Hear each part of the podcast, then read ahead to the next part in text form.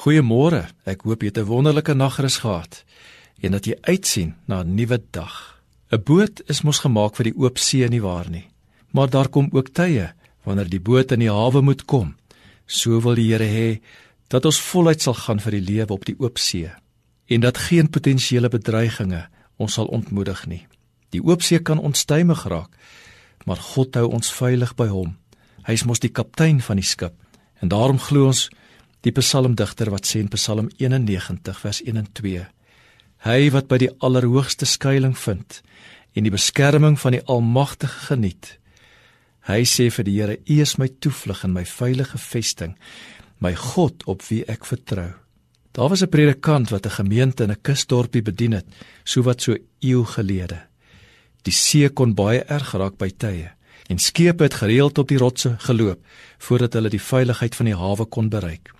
Die kerkgebou was egter 'n groot baken wat nogal uitgestaan het op 'n heuwel, baie sigbaar vir die naderende skepe.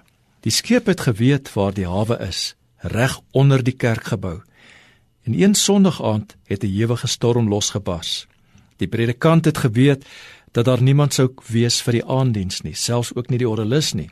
Daar was net te veel ongierige weer en dit was yskoud. Maar sy vrou het hom egter aangemoedig om wel te gaan. Dalk daag iemand tog op by die kerk. Hy het teesinnig gegaan. Sopnat het hy by die verlate kerk opgedaag en geleidelik al die lampe aan die binnekant begin aansteek. Daar was niemand nie, maar hy het die tyd benut om in stilte by die Here te wees. Na 'n uur het hy die kerk se lampe weer een vir een uitgedoof en daarna is hy huis toe. Die volgende môre was daar 'n klop aan sy deur. Die storm het intussen gaan lê. Een van die skeepskapteins was by sy voordeur. Hy wou namens sy bemanning kom dankie sê. Hulle was 'n paar dae uit op die oop see.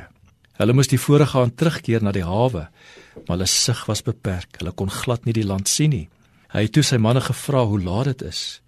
Een van sy manne sê toe dis amper 18:30 en hy sê toe vir sy manne: "Hulle moenie bekommerd wees nie, want die kerk se lampe sal binnekort aangesteek word vir die aanddiens." Dit sou vir hulle die koers na die hawe aandui.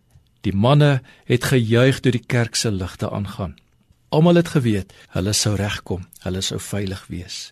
So het die Here gesorg. Die predikant het stom na die kaptein se storie geluister. Ons sal in die tyd wat kom ook onstuimige tye beleef, maar weet net dat Jesus die kaptein is wat jou lewensboot ook sal begelei. Hy is ons toevlug. Hy is ons veilige vesting. Hy bring die lig na ons. Waar hy is, is daar nooit donkerte nie. Hy bring ons ook veilig by die hawe uit. Wees getrou in die gewone dinge van elke dag. Voer God se opdragte uit soos wat hierdie predikant getrou was. Al voel jy soms dis oorbodig, dis onnodig. Die Here gebruik jou gehoorsaamheid en jou getrouheid om 'n impak te maak in ander mense se lewens. Jy kan hom loshande vertrou. Here ook vir hierdie dag wil ons u loshande vertrou. Ons wil ons lewe en ons tye opnuut in U hande plaas.